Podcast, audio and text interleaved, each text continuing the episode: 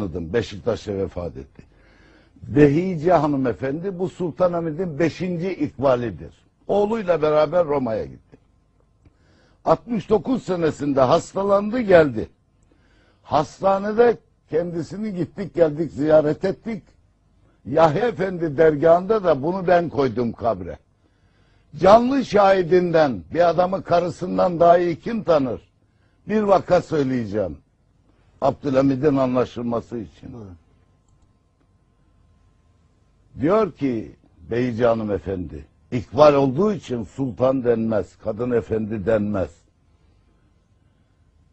Her sabah uyandığı zaman yastığının altında bir taş vardı. Taş. Bu taşa teyemmüm ederek abdest mahalline giderdi. Abdestsiz uyandığı zaman karyoladan lavaboya kadar yere basmıyor. Dedim ki Efendimiz ne beis var? Şuradan şuraya üç adım abdestsiz yere bassanız olmaz mı? Ben halife-i Müslüminim.